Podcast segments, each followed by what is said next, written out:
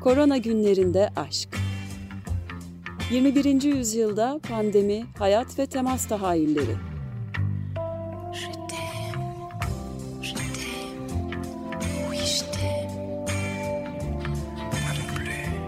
Hazırlayan ve sunanlar Ayşe Köse Badur ve Selim Badur.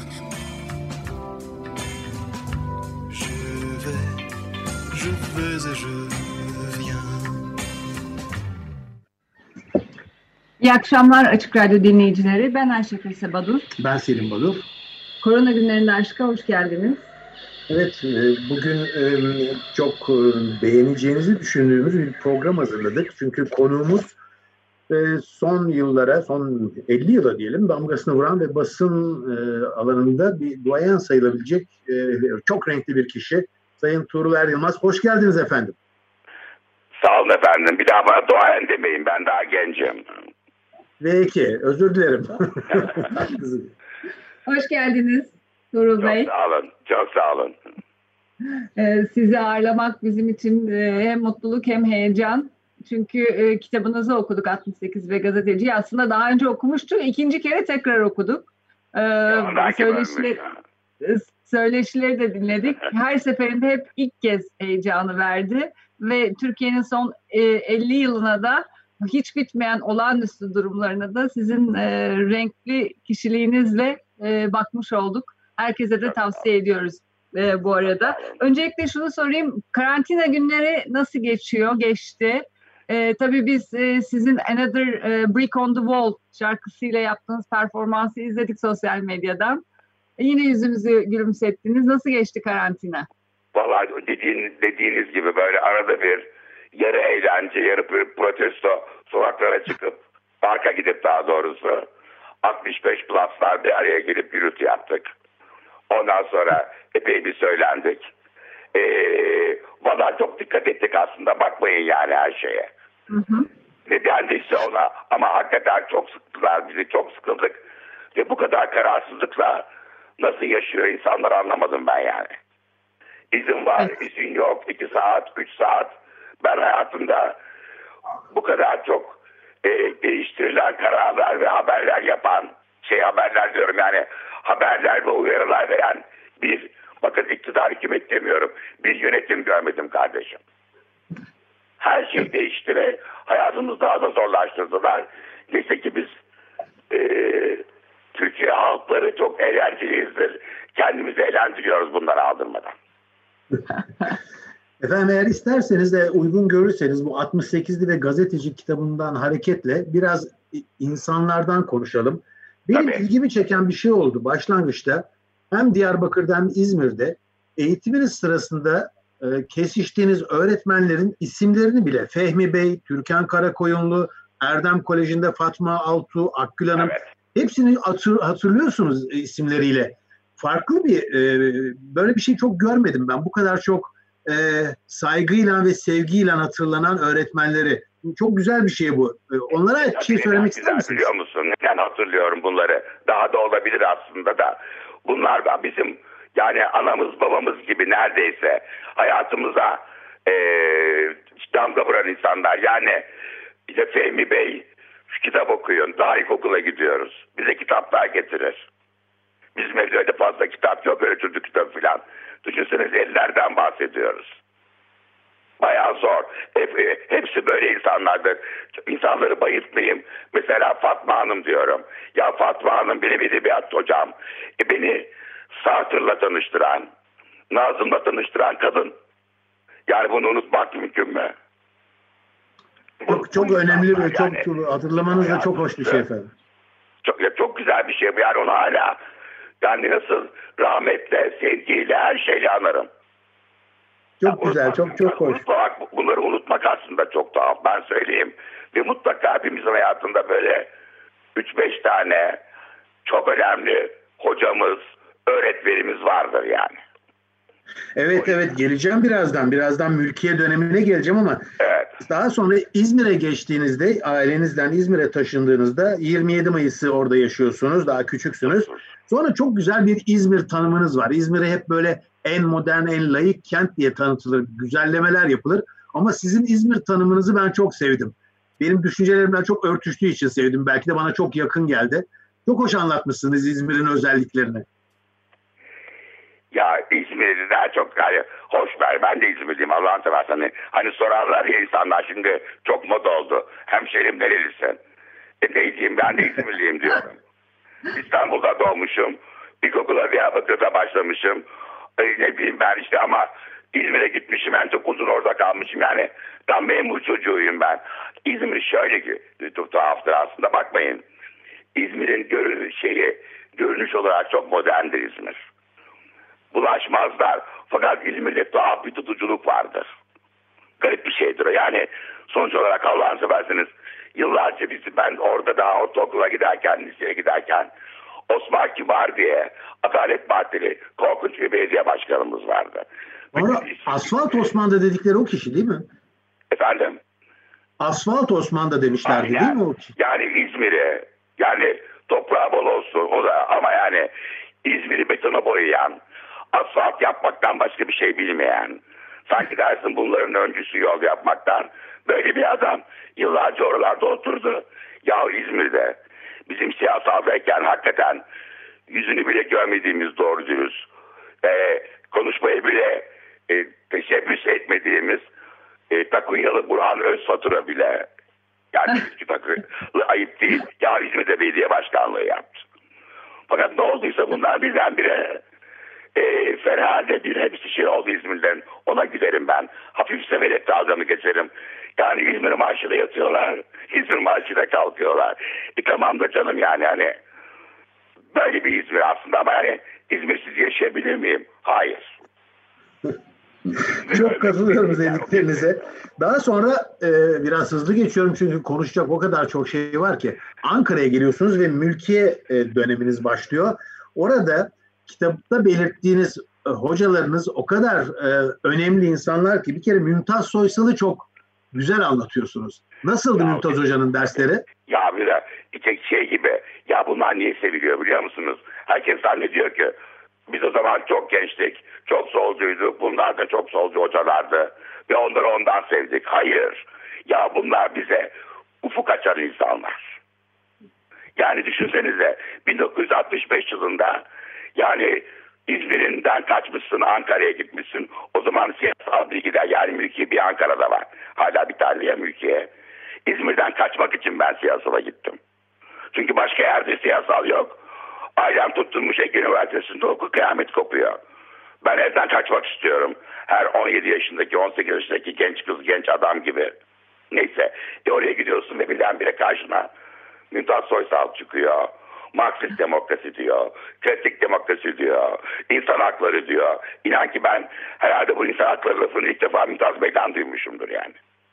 Bakar E mısın? sadece Mümtaz Soysal da değil. Mete Tuncay, Sadun Aren, dekanlara bakıyorum mesela. Cahit Talas. Cahit Talas öğrenci haklarını çok koruyan biriydi değil mi? Sayın Badur böyle bir biz ben birinci sınıfta bir de sınıfta kaldım tabii biraz tembel olduğum için biraz da işi solculuğa vurduğum için bizim e, ben ikinci senemi okurken ya 65'in bilmem nesi ya da tarihleri karıştırıyorum belki ama yok 65 Sadun Bey İkbal imtihanına giriyorum ben ve Sadun Bey seçilmişti şeye e, tipten seçildiği ya belli olmuş gibiydi. Daha istifa etmemiş ve bizim sınavımızı yapmışlar. Bütün sınıf ayağa kalkmıştık ve Sadun bir alkışlamıştık. O kadar hoşumuza gitmişti ki Türkiye İşçi Partisi bizim hocamız ay ay delirmiştik delirmiştik. Hala gözlerim yaşarır. E öyle. E, Muammer Aksoy da öyleydi. Dünya tatlısı bir adamdı. Yani bunlara nasıl e, şey diyebilirsin. Mümtaz Muammer Bey etrafında geçerdi. O da bizde. Hep onu söylerim. Biz ona şey derdik. E, biz, hoca, bize kızardı. Bana bakın çocuklar. Siz kızılsınız ben pembeyim. Benim tepemi attırmayın derdi.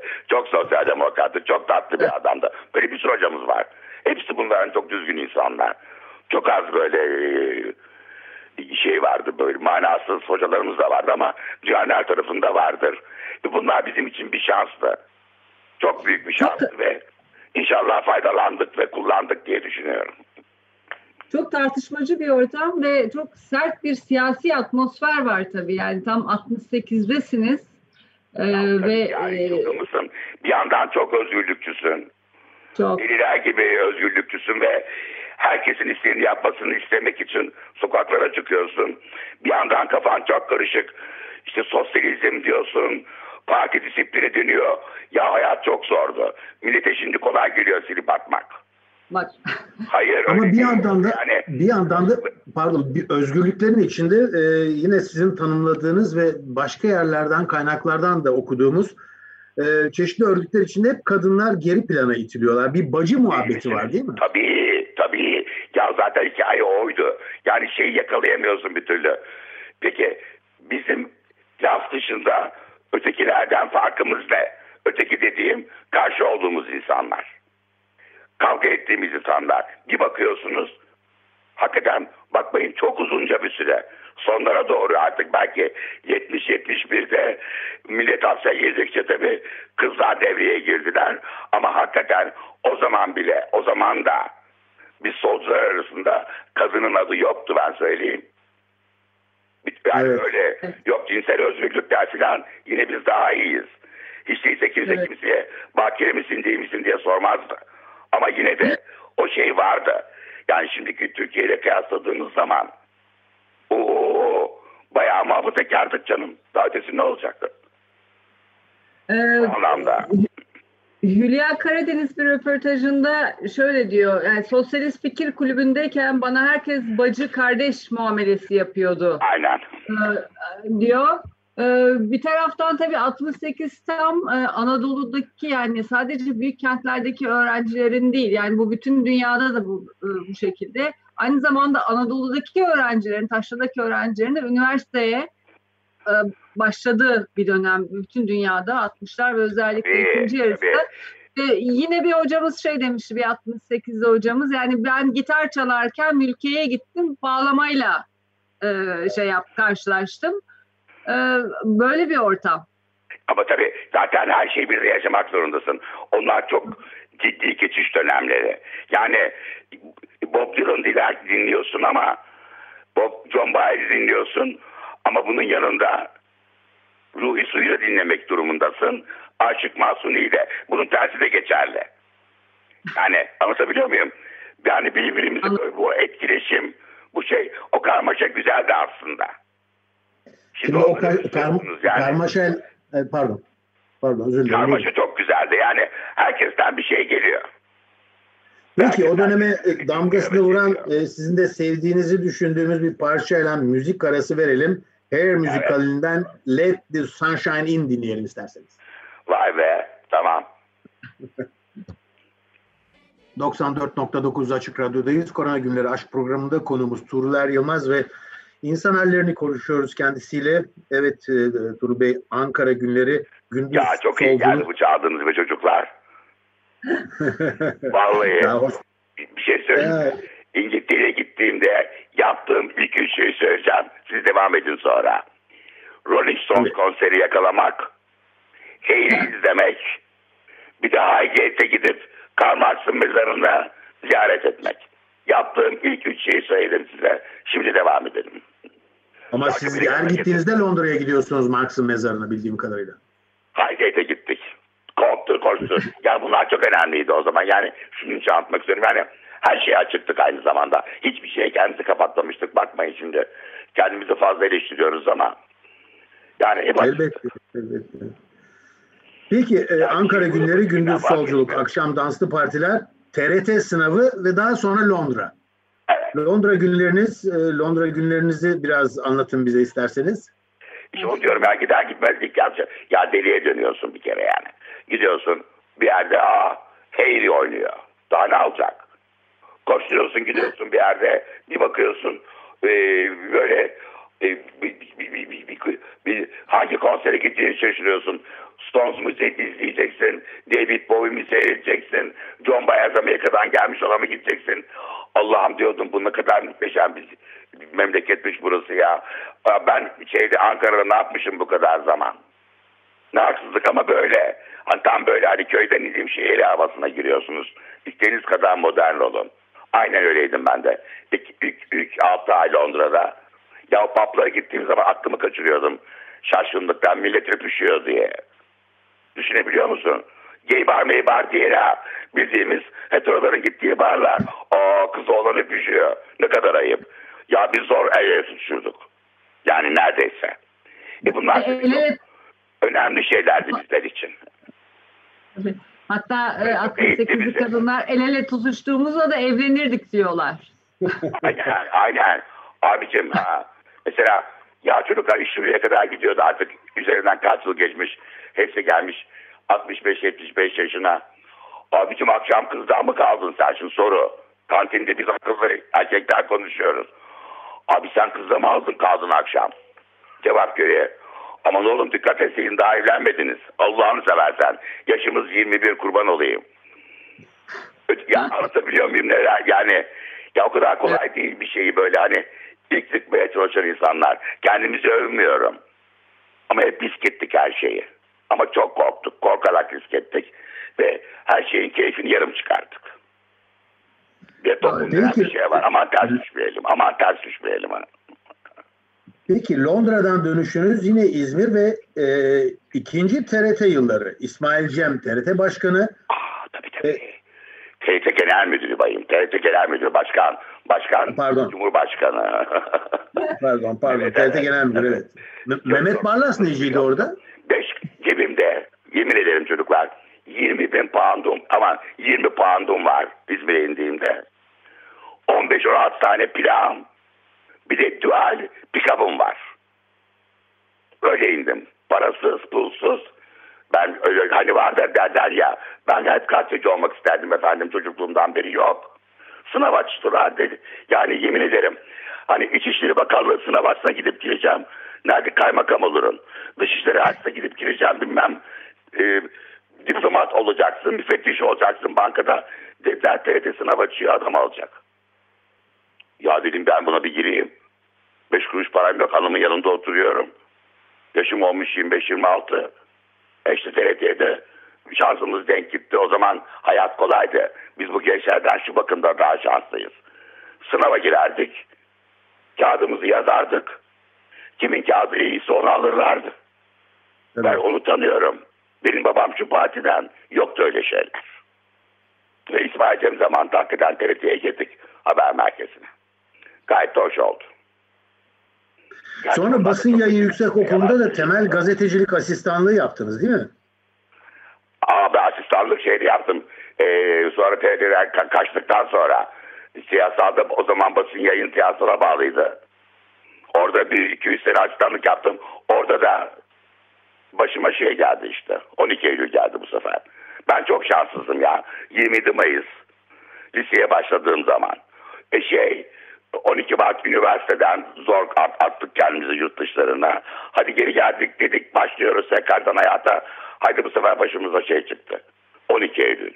Yani bu Türkiye aslında bize rahat yüzü göstermedi. Çok doğrusunu istiyorsanız. Daha sonra e, bir takım röportajlarınız var o dönemde Sevim Burak'la, Atilla İlhan'la ve o insanları da çok güzel anlatıyorsunuz. Ama çünkü e, zaten gazeteciliğin bütün keyfi odur. Mesela Sevim Burak diye bir kadın yani düşünsene tanımış olmak yani çok üzülüyorum. Mesela benim öğrencilerim Sevim Burak'ı tanımadıklarını duyduğum zaman çok kahrediyorum. Muhteşem insanlar bunlar. Asil İlhan'la zerre kadar uyuşmaz bir şeyim. Bakışım ama iki kere röportaj yapıp iki kere karşısında oturup onun bir şey kahvede otururdu. Taksim'de. Orada ağırlardı bizi röportajlarda. Adamın ağzının içine düş. Bunlar de, derya insanlardı. E gazeteciliğin en büyük keyif o zaman öyleydi. Biz böyle oturup abuk subuk köşe yazı yazmıyorduk. Habere gidiyorsun. Röportaj yapıyorsun. Bir böyle bir, bir muhteşem insanlar tanıyorsun yani. Bunlar da böyle. Bir tane iki tane değil ki. Sadece bunlar da değil. Türkan Şoray da var bunların içinde. Nadir Nadi de var. Anlatabiliyor muyum? Yani ba- bambaşka bir şey. O yüzden de ulan dedim bu gazetecilik galiba fena bir iş değil. Ben burada kalayım. Kaldım zaten ondan sonra. Sonra Nokta Dergisi. Nokta Dergisi'nde birçok insanı e, ve basın dünyasından birçok o dönem için genç insanı da tanıtıyorsunuz. Hemen bir parantez açmama izin verin. Benim modadan küçüklük arkadaşımdır. Güldal Kızıldemir'le de birlikte çalışmışsınız değil mi? Aa, Güldağ benim favorimdir. Güldağ Kızıldemir dünyanın en şık, en burjuva görünen, fakat en bilgili, en sağlam tanıdığım gazetecilerden bir tanesi Güldağ Kızıldemir. Modalıdır kendisi dediğin gibi. Ama Evet. Derya Deniz'dir ve mesela e, hala aramız gayet iyi onunla. Arada bir haberleşiriz. O da şimdi sen benim misin anneanne oldu. Anneanne o da şimdi o da torun büyütüyor o da benim gibi. Böyle bunlar çok değerli insanlarla çalıştık aslında bakma sen. Sonra herkes bir yere savruldu ama yani bir şey bakıyorum. Herkes noktadan çıkar. Herkes bir şey oldu. Nurcan Akat da var bunların içlerinde. İpek Çalışlar da var. Yazgül Ağzon da var. Aklına kim gelirse var da. O kadar çok ki saymakla bitmez. Nokta dergisinde 12 Eylül'den sonraki ilk seçim oluyor. 1983 seçimleri partiler kuruluyor ve Milliyetçi Demokratik Demokrasi Partisi Başkanı eski bir asker Turgut Sunak sizden kapak yapmasını istiyorlar ve inanılmaz güzel bir kapak yapıyorsunuz değil mi? Aa, ya, ya, inanın ki mesela şimdi aslında Ercan Bey patronumuz iyi bir adam. Zaten biz oraya topladığı zaman biz o zaman hiç yazılı basını bilmiyoruz doğru. Ama siz dedi akıllı çocuklarsınız bu işi biliyorsunuz. Beni kapattırmadan muhalefetinizi yapın. Ne istiyorsanız yani. Gazetecilik yapın. Ama tepeden şey gelince e, nereden geldiyse abi onların horoz amblemi ya. Kızarmış bir horoz koyduk kapağa ya. Ondan sonra çok beğendik kendimizi. Şimdi olsa Ama sa- sadece o değil, e, yok kapağınız çok ünlüydü. Aa, o, onu asla şimdi yapamazsın. Derhal hapse atarlar herkes. çok güzeldi değil mi? Doğramacı kapağınız. Aa, artık devlete hakarete mi girer? Akademiye hakarete mi girer? Allah korusun. Ve hiçbir şey olmamıştı biliyor musun? Yani tamam bol bol o zaman da mahkeme. Yani o da değil yani bir sürü dergide gazetede. Giderdik mahkemelere ama yargıçlar yargıç gibi yargıçlardı. Yani en, en kötü şey derdi. Ya genç adamlar kadınlarsınız. Gidin doğru dürüst işinizi yapın. Bu kadar fazla bulaşmayın. E şimdi nerede öyle bir şey yani gık dediğiniz zaman içeri atıyorlar sizi. Ha, üç ay şeye gidemem bir sene dava açmıyorlar. İçeride bekliyorsunuz. Yani içiniz bu düşündükçe kim daha şanslı hakikaten sürekli karar değiştiriyor. Galiba biz daha o dönemde daha şanslıydık. Böyle bir şey yani, Yani- bunlar karışık. Ben de aynısını düşünüyorum. Şimdi ilişkilerin hani Ege'de bir deyim vardır. Siz bilirsiniz yavan. Çok Tabii. yavan bir tadı var. Ee, yani Yavan, e, farklı yavan, yavan, filan. yavan, Hiç- yavan. Şimdi bana dünya para verseler bilmem ne, o için ne var ben bu saatten sonra gitmem zaten. Yani onlar çağırmadı. Gel seni işte Hürriyet grubunun başına koyuyoruz. Gel seni Cumhuriyet grubunun başına, Sabah grubunun. Adımımı atmam. Çünkü yani gazetecilik yapılmıyor ki artık. Tuhaf şeyler yapılıyor Türkiye'de. Yok biri ben yandaşım diyor. Ötekiler muhalifim diyor. Ya muhalif demek ne demek ya? Ya bizim tarafımıza geçiyorum. Kendimi de oraya koyuyorum. Gazetecilik yaptığın zaman, doğruyu söylediğin zaman zaten sen egemenlere muhalif oluyorsun. Ekstradan muhalif olman gerekmiyor. Ama yani şey, bize bu işlerin A, B, C'sini çocuklar unutturdular. Herkes ahkam kesiyor Türkiye'de. Herkes ahkam kesiyor. Herkes çok bilir. Ve o dönemde bir ara Milli Gazete kapatılıyor ve siz Milli Gazete gazetecilerini ağırlıyorsunuz Nokta dergisinde. Deli misin? Patronun e, ya, ya- ya- gözleri dönmüştü. Bana şey dedi. Ulan dedi siz ama ucuna gitti. Adamları kapatmışlar Milli Gazete'yi. Gariban şey 12 Eylül hala daha Özal bile yok şeyde. Ee, kazandı kazanacak hikayesini düşün bak Özal'a umut bağladık bir ara bu insanlar. Hiç yapma. Açtık telefonu. Ya dedik biz haber yapamıyoruz size. Kimdi onu bile hatırlamıyorum. Milli Gazete'den yayın müdürü, yazı müdürü 2-3 kişi geldiler ve biz onları noktada ağırladık.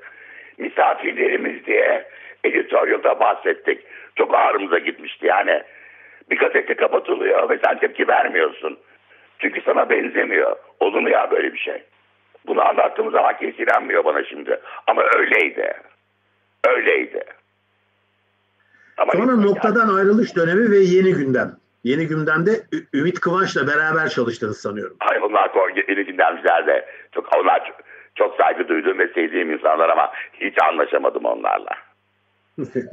Ama Yani e, kapaklar iyi. yine çok önemli yeni yani- gündemde. Allah'ım onlar ne kadar şey e, e, her şeyi kitaba uygun yapacak diye canlarını çıkarıyorlar. Kitap dediğim tabii sosyalizmin kitabına. Ki üstelik de o zaman ortalıkta bir sürü sosyalizm var. Hangisi? Neyse hiç onlara girmeyelim. Hazır Ümit Kıvanç unutmuşken tekrar bana düşman kesilmesin. evet Ümit Kıvanç dedim ama sadece Ümit Kıvanç değil de yeni gündemin kapakları da çok ilginç. Tanıl Bora Tabii. Aleviliğe ne oluyor diye bir kapak yapıyor. Tabii, Türkiye'li tabii, Yahudiler, eşcinseller, yeşiller, Tabii. kadın hakları Zaten bir sürü e, farklı oydu. ve çok önemli Yani- kapaklar yapıyorsun. Tabii. Bir de çok hoş bir hikaye anlatacağım şimdi. Bu şeyi çok düşündük mesela. Hani Yahudi Türkiye'yi Yahudiliğe kapak yapalım istedik. Sinagog patlatıyorlar, kıyamet kopuyor Türkiye'de. Antisemitizm diz boyu. Yani bence hala öyle de neyse. Ya dedim şey yapalım. Türkiye'de yani o zaman işte rakam kalmış aklımızda 45-50 bin de Yahudimiz var, sinagoglarımız var. Türkiye'de Yahudileri yapalım. Ya ne olacak yapacağız filan gibi sesler de oldu. Noktada tartışmak serbestti. Çok hoştu nokta bak aman yeni günden. Çok hoştu. İnanmayacaksınız çocuklar. Belge şey günü, pazar günü çıktı. Ben pazartesi günü kalktım öğlen gibi işe gittim. Herkes kıyamet kopuyor. Ne biliyor musunuz? Dergi bitmiş. Pazartesi öğlende yeni günden bitmiş. 20 bin 25 bin var. İnanamamıştık kulaklarımıza gözlerimize. Yani şöyle kendi halinde 8-10 bin satan bir dergidik. Ondan sonra da Allah yarı yurak bitince ya dedik tamam bu iş bak tepkini alıyorsun. Azınlıklardan yürüyeceksin kardeşim. Zaten gazetecilik de budur. Evet. Olan zaten sesini duyuruyor. Arkadaşlar hepsi geldi arkasından. Aliler de geldi. Kürt meselesi gündemde geldi. Eşcinseller geldi. Feministler koyduk. Ya az bir şey miydi Allah'ın seversen? E, e, Duygu Asene bile daha yine feminist olmaya başlamış. Biz şakır şıkır e, allı yeşilli morlu geliyor feministler, geyler bilmem neler diye kapak yaptık. E vallahi güzeldi bence de. İyi ki de yapmışız. Peki, peki e, şunu soracağım. E, hani çok böyle şey genel bir sorudur ama bir daha dünyaya gelseniz gazeteci olur musunuz? Olsanız bu ülkede mi olmak istersiniz? Bak doğrusunu söyleyeyim mi? Çok do- çok mu doğru cevap istiyorsun? Vallahi bak, E, Sizin cevabınızı Ay, istiyorum. Gazetecilik dersen biliyorum. Çok hoşuna gidecek. Bir daha dünyaya gelsem hakikaten rock şarkıcısı olmak isterim. Peki o zaman size bir parça çalalım. Ee, Yani bir rock şarkıcısı olayım. E gidip yani ya bir yani bir elimde hani gitar çalmayı bilmem, piyano bilmem. E, sesim de o kadar güzel değil ama ben çok zorladım şarkıcı oldum diye beceremedim. ama dese ki Allah baba yukarıdan peki lan geliyorsun bir daha dünyaya. Ne olmak istiyorsun? Benim Mick Jagger'dan ve Elvis Presley'den daha iyi yap derdim. Başka bir şey istemez. E, bu dönemlerde e, iki grup e, taraftarları vardı. İnsanlar bölünmüştü belki. Beatles ve Rolling Stones. Biz ikimiz de Rolling Stones'cuyduk. Evet. Siz de Ben Rolling Stones'cuydunuz. O zaman size size bir Street Fighting Man dinletelim. Çok sağ ol. 94.9 Açık Radyo'da Korona günlerinde aşkta Turuler Yılmaz'la konuşuyoruz. Rolling Stones'dan Street Fighting Man dinledik. Bu şarkı da sizin için geldi e, Tuğrul Bey. Biz e, tabii çok seviyoruz bizi güzel geldi. Rolling Rolling Çok Stones'u. Mick. Jagger sağ olun. Mick Jagger çok aykırı e, bir e, rock şarkıcısı E, ve hayatın içindeler. Hiç kaçmıyorlar. Hayatın içindeler. Tabii Ee, bir şey söyleyeyim mi? sokaktalar. Beatles da muhteşem bir gruptu. Hala Evet. öyleler benim için. John Lennon, Paul McCartney'di. Ama onlar biraz fazla aile çocuğuydu. Havası Evet değil mi? Çok efendiler. Fazla Evet. efendiler. Biraz çok Ben- şeylerdi. Fazla İngilizdi onlar. Stones bayağı bildiğimiz ya işte birileri let it be derken bırakınız olsun. Stones şey diyordu. Let it bleed. Bırakın kanasın. E şimdi yani 20 yaşında bir genç hangisi sarar sizce? E tabii ki Evet. Sarar yani. E Ben de öyle olmuştum. Ama Beatles'a saygım sonsuz tabii. Evet. Başka bir şey. Biz tabii bir de Mick Jagger'ın bir fotoğrafı var. Bazen sosyal medyada da dönüyor. Biz e, Marion Faithfull'la birlikte Marion Faithfull da Ya çok ne da kadar güzel Ya. resim o. çok. Bir de Alain Delon var yanlarında. Eminim O biliyorsunuzdur. Alendir o Yüksek- hain. Aralarına girmeye çalıştı adamı kıskandırmak için. Siz onu aldırmayın. O Alendir o hain Fransızdır o. Evet. Evet o. Evet. Kıskanç bakarlar. Ee, ben ama şeyi de itiraf edeyim ki The Doors'u ve Jim Morrison'u da çok severim. Ama Ee, çekilmez onlar. Yani şimdi böyle gelince ona bakarsan daha geç geldi. Açısından Pink Floyd'lar, Jefferson Starship. Tabii. Ya bunlar çok muhteşem insanlar ya hepsi. Çok. Ya Çok. Bu ya? arada siz e, rock şarkıcısı olmak isterdim dediniz ve sahneye çıkmadım dediniz ama siz bir dönem Cihangir çetesinin e, biraz itelemesiyle 5. katta stand-up yaptınız değil mi? Ama sus Allah'ını seversen hep de bunu söylersiniz. Yani ben asla ondan utanmadım ki. Denedim de olmadı ne yapayım? Ha, çok güzel bir şey. Beşinci kat tıklım tıklım dolu. Ay kıyamet kopuyor sanki dersin Sezen Aksu konser verecek. Ben içerideyim çıkacağım işte. İlk stand-up'ımı yapacağım.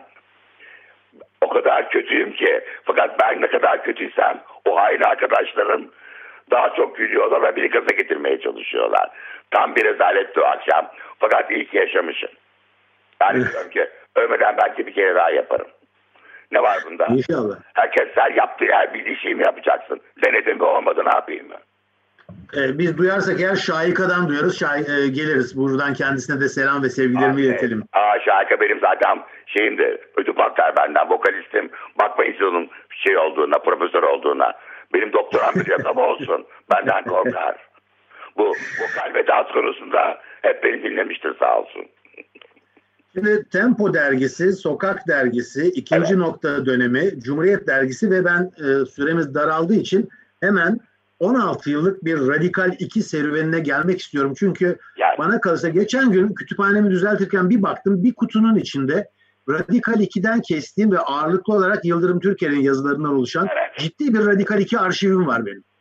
doğru söylüyorsun. Çünkü o hakikaten benim en çok gurur duyduğum katkı olan işlerdendir.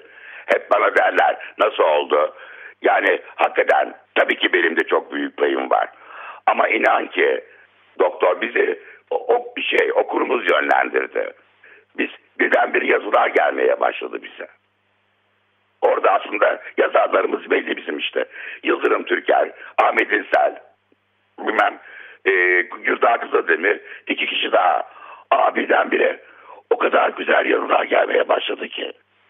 Ulan dedik biz neden ille de kendimizi böyle kendi seçtiğimiz insanlarla bırak bir, bir şey yapalım. Bu, bunları yayınlamaya başlayalım. Ondan sonra yaydı, yağdı zaten. Böyle Radikal 2 bizim elimizden çıktı. Hakikaten okur yönetti o gazeteyi. Radikal 2.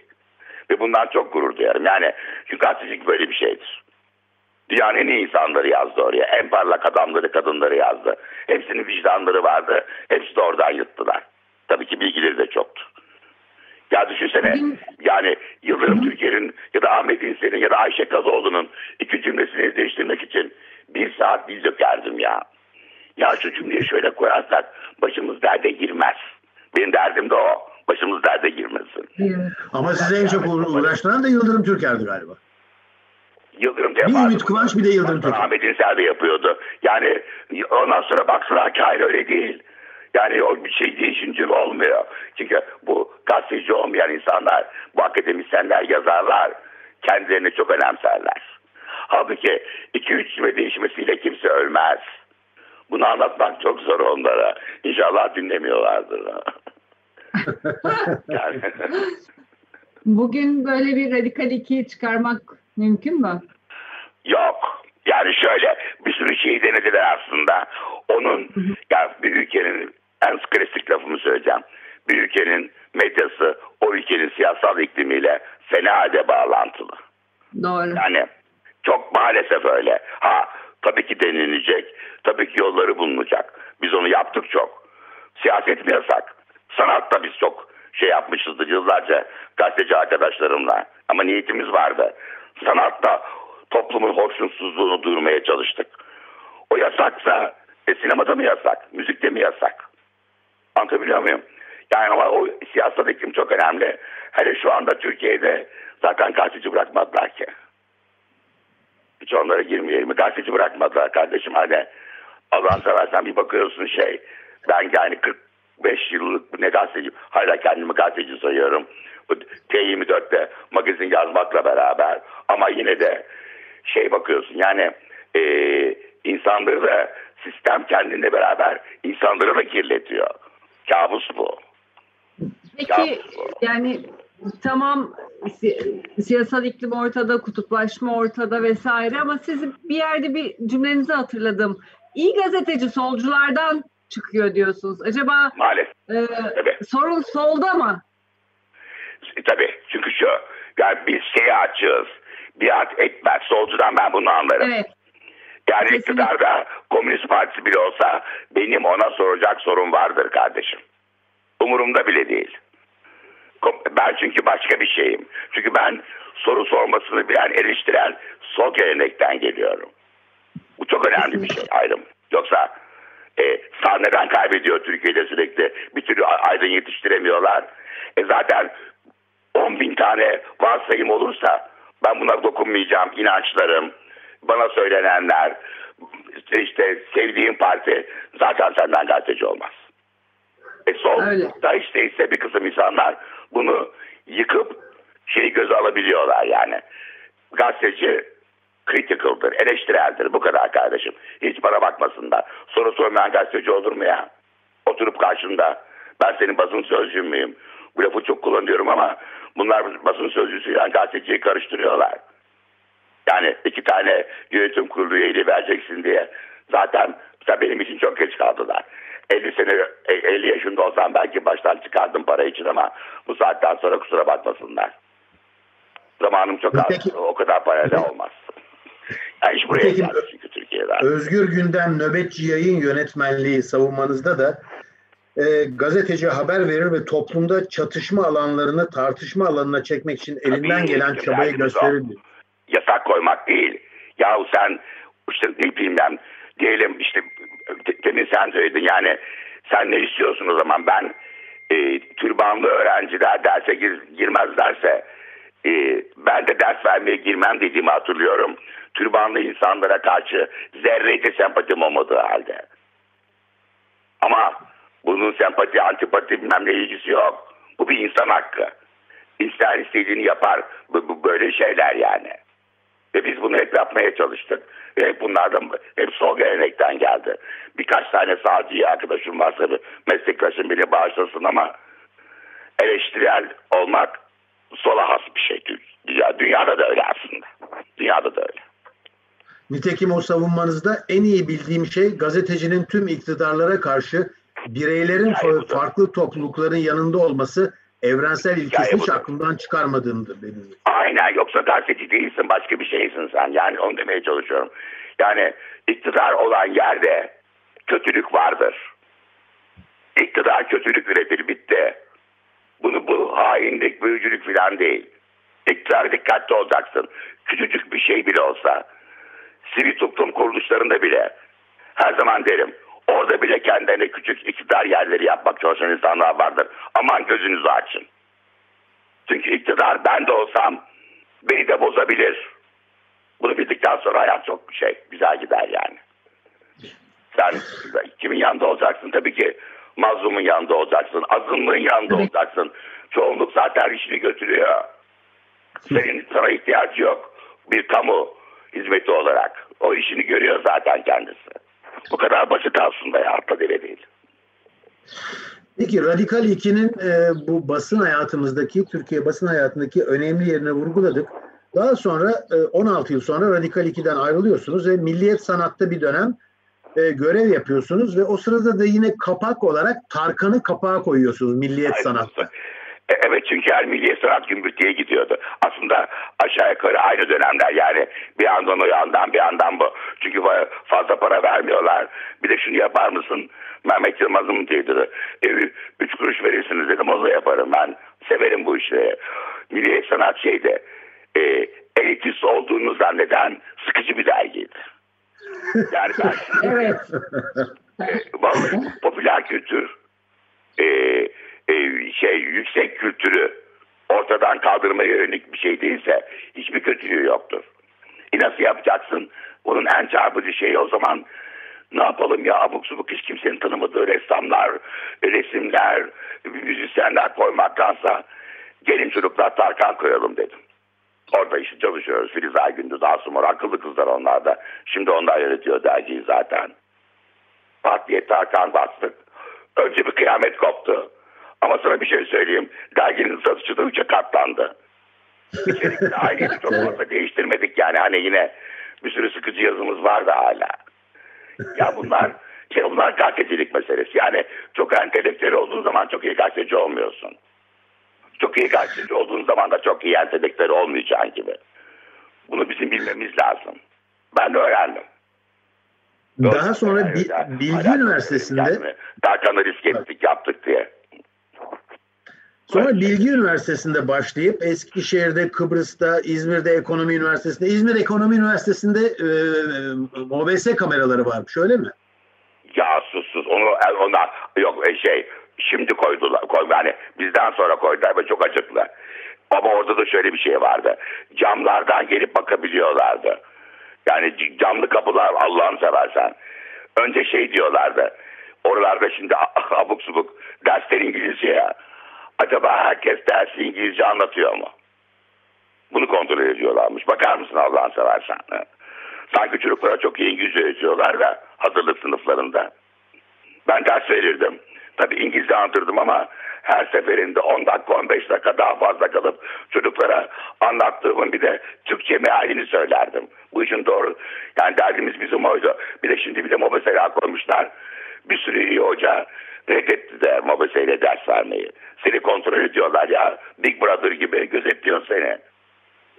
Ben çocukları zehirliyor muyum? Deli misiniz siz ya? Bu benim... Sonra Marmara Üniversitesi var ve Marmara Üniversitesi'nde bir takım öğrencilerinizi e, bir e, e, e, Türk dizisinden esinlenerek Medcezir Kızları diyorsunuz. Dizileri izliyor musunuz? Dizi izliyor muyum? Dizi izliyorum tabii dizi izlemeyen var mı? Ha ben bayağı ben hiç, hiç öyle snopluklarım yoktur. Ben bayağı yani dizi izlerim oturup. Yani eğer doğru aldıysam sorunu niye dizi izlemeyeyim ha? Dizi izlemeyenler ha şimdi şey mi ama şimdi izliyor herkes. Netflix'ten Amerikan ve İskandinav dizileri izliyorlar. Hiç bana göre değil. Ben aynı oturuyorum. Kadın dizisini seyredip şakır şakır ağlıyorum. Bu da hoşuma gidiyor ayrıca söyleyeyim sana. Kesinlikle. Kesinlikle. E, ben şey Yani böyle. sordum. Ben çünkü biraz Med- senaryoda yazdığım malara katıldım. Oralardan para kazandım biraz. Onu da söyleyeyim yani. Yani orada bana ekmek, ekmek parası da kazandırdı bir miktar. Bu diziler. Ama şimdi her şey kapandı gitti zaten. Her şey yasak. Öpüşmek bile yasak Allah'ını seversen dizilerde. Yani uzaydan bir adam gelse diyecek ki bu Türkler nasıl ülüyor? İğnelim bunlar çocuk doğuruyorlar. Vallahi öpüşmek bile yasak böyle şey olur mu ya? Yataktan vazgeçtim. Neyse boş ver şimdi bu başka bir konu tabii. Yani ben aslında geçmişe baktığım zaman e, eskiden eleştirdiğimiz e, haber kanallarını, se- 80'lerde 90'larda haber kanallarını, e, dizileri, 2000'lerde de dizileri vesaire her şeyi arar olduk gibi İşte hissediyorum. olan bu zaten. Keşke bunu evet. karşılıklı. E, onla- onları bile arar olmamız yani e, evet. Bunu söyleyince şey ge- geri gittik işte kardeşim diyorsun. Daha nasıl geri gidilebilir ya? Bütün Evet. kanallar aynı insanlar çıkar mı konuşmaya? Bütün kanallar e, Osmanlı'nın büyüklüğü üzerine ya da mafyanın büyüklüğü üzerine e, dizilerle mi dolar? Var mı böyle bir şey ya? Türkiye'de sıradan normal insanlar yok mu tırnak içinde? Yok öyle bir şey. Yani Kesinlikle. ergen kılıklı bir takım oğlanlar, manasız görünüşlü kadınlar e, dünya yönetiyorlar. Yok böyle bir şey. Ama bu hale getirdiler. Halbuki ne güzel. Biz Aşk-ı Memnu'da seyrettik.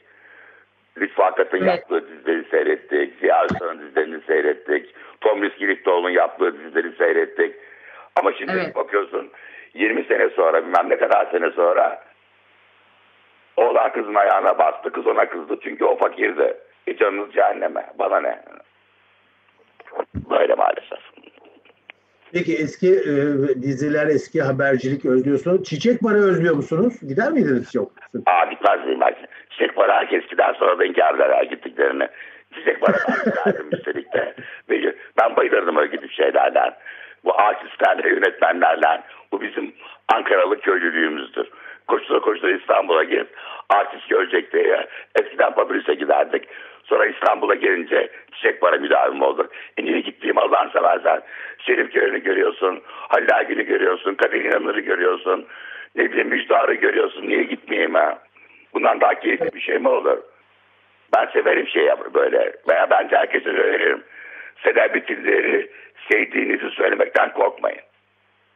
Herkesin sevdiği böyle mutlaka artistler, şarkıcılar, yönetmenler olmalı. Hayat daha keyifli oluyor o zaman. Öyle burun kıvırıp ama ben pek tanımam.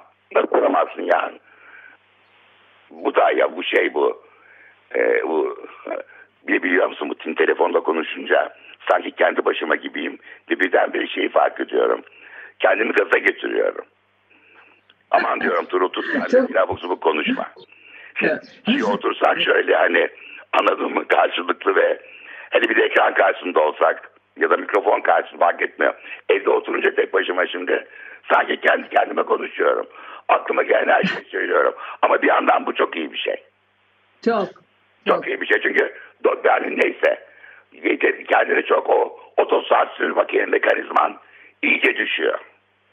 Kesinlikle. Kendini sansürlemiyorsun fazla. Şimdi bütün gazetelerin yaptığı gibi. O suç bu suç. Böyle Ee, korona, korona günlerinde aşkın sonuna geliyoruz. Size son olarak şunu sormak istiyorum. Ee, karantinayı nasıl geçirdiğinizi konuşmuştuk. Bir e, aslında bu pandemi sizin için ne ifade etti? Yani siz 1900 yani e, 68'den itibaren aslında 20. yüzyılın ikinci yarısındaki bütün olağanüstü durumları Evet. e, Türkiye'nin çok e, ilginç kentlerinde e, çok güzel bir dönemde Londra'da e, görmüş birisisiniz. E, işte bütün darbeleri yaşadınız. E, çok zor zamanlarda gazetecilik yapmışsınız. Dünyanın ve Türkiye'nin olağanüstü dönemlerine şahitlik ettiniz. Birebir içinde bir özne olarak var oldunuz. Bir pandemi size ne ifade etti? Böylesi bir pandemi. Yani şunu Ve, e, tabii ki. Ve bu, bundan sonra da şunu da sormak istiyorum aslında. Hani 68'i gördüğü zaman sonrasında gazetecilik hayatınızda bütün o kuşaklarla çalıştınız. Yani 68'de doğanlarla, 78'ler, 88'lerle çalıştınız. İkisilerle ne diyorsun ya dolu. Ee, ve dünya bundan sonra nasıl görüyorsunuz pandemiden sonrasını? Merak ediyorum. Valla şunu söyleyeyim. Pandemi şey çok kısa tek keçi vereyim. Yani e, e, e, e, bu darbeler olurdu. Kıyametler kopar. Sokağa çıkma yasakları. E, çıkmazdık korkumuzdan bir yerlere. Evde beklerdik. Polis asker gelip biz- alacak bir insanları diye. E pandemide de şimdi e, çıkmıyoruz. Ne Allah korusun virüs gelip bizi alacak bu korkusuyla. Yani e, ama şimdi söylüyorum ama, ama sürekli birileri bizi almaya çalışıyor. Bir bildiğimiz kadar yapmamaya çalışıyoruz. Ama şu var, bunun geçeceğini ve bu işlerin böyle sürmeyeceğini, yani bu pandeminin getirdiği moral bozukluğu gitmez. Ya dünya, İkinci Dünya Savaşı'nın utancını bile utanmayı, unutmayı becerdi. Öldürülen milyonlarca Yahudi, eşcinsel, komünist yani anlatabiliyor muyum? Ee, e, dünya şeyle yaşamasını öğren biliyor ise Afrika'da ölen her yıl hiç kimsenin haberi olmayan 300-400 bin çocukla bu pandemiyi de atlatacak dünya ve Türkiye. Bütün mesele bir ders alarak mı atlattık? Ben şeye inanıyorum. Eskisi gibi olmayacak. Bazıları şey diyorlar. Daha kötü olacak. Otoriter rejimler işte yok. Trump yok, Putin yok, Fransa yok, Türkiye'de bunu kullanacak. Öyle bir şey olmayacak. Yani e, insanlar her zaman bu hele bu tehlikeli anlarında şeyden her zaman daha güçlüdür. Bütün iktidarlardan ve sonuçta iyi olacak. Ve insanlar üzülmesinler. Yeniden güzel gazeteler çıkacak. Yoksa hayat bu kadar renksiz ve çirkin gitmez. Toplu halde intihar ederiz kurtuluruz yani. Öyle Çok güzel bir mesaj verdiniz ya sağ olun. Ee, ne yazık ki sizinden söyleşi çok keyifli. Umarım bir gün daha uzun oturup konuşma olanağı olur ve sizin Yani o doyumlu olmaz sohbetinizi yani daha uzun süre dinleriz. Çok sağ olun. Beni çok mutlu. Ee, bu, buradan sizinle birlikte iki kişiye selam göndermek istiyorum. Birisi Ayşegül Tözören, diğeri de e, sevgili Şahika Yüksel. Kor, koristiniz sizin. Ee, ve e, veda e, dakikalarına girdik ama size bir parça daha dinleterek e, ayrılalım. Ben de şey kez en, öyle ayrılalım. Ben de e, sınıf arkadaşım Ömer Mazır'a selam göndereyim. Bir arayıp sormuyor bile. Ömer Mazır'a. bu mesajınızı ileteceğim. Bu kadar. Peki. Çok Ee, teşekkürler. çok teşekkürler efendim. Ee, sağ olun bize vakit ayırdığınız için. Bir merakla. Ee, Animals Paradian geliyor. Please don't let me. Ay. Bak Erik Sevgili tahmin etmiştim. Ayıp. Çok teşekkürler tekrar efendim. Çok Sağ olun. güzeldi sizinle konuşmak. Hoşçakalın. İyi, iyi, Sağ olun. iyi haftalar. Sağ olun. Sağ ol. Korona günlerinde aşk. 21. yüzyılda pandemi, hayat ve temas tahayyülleri.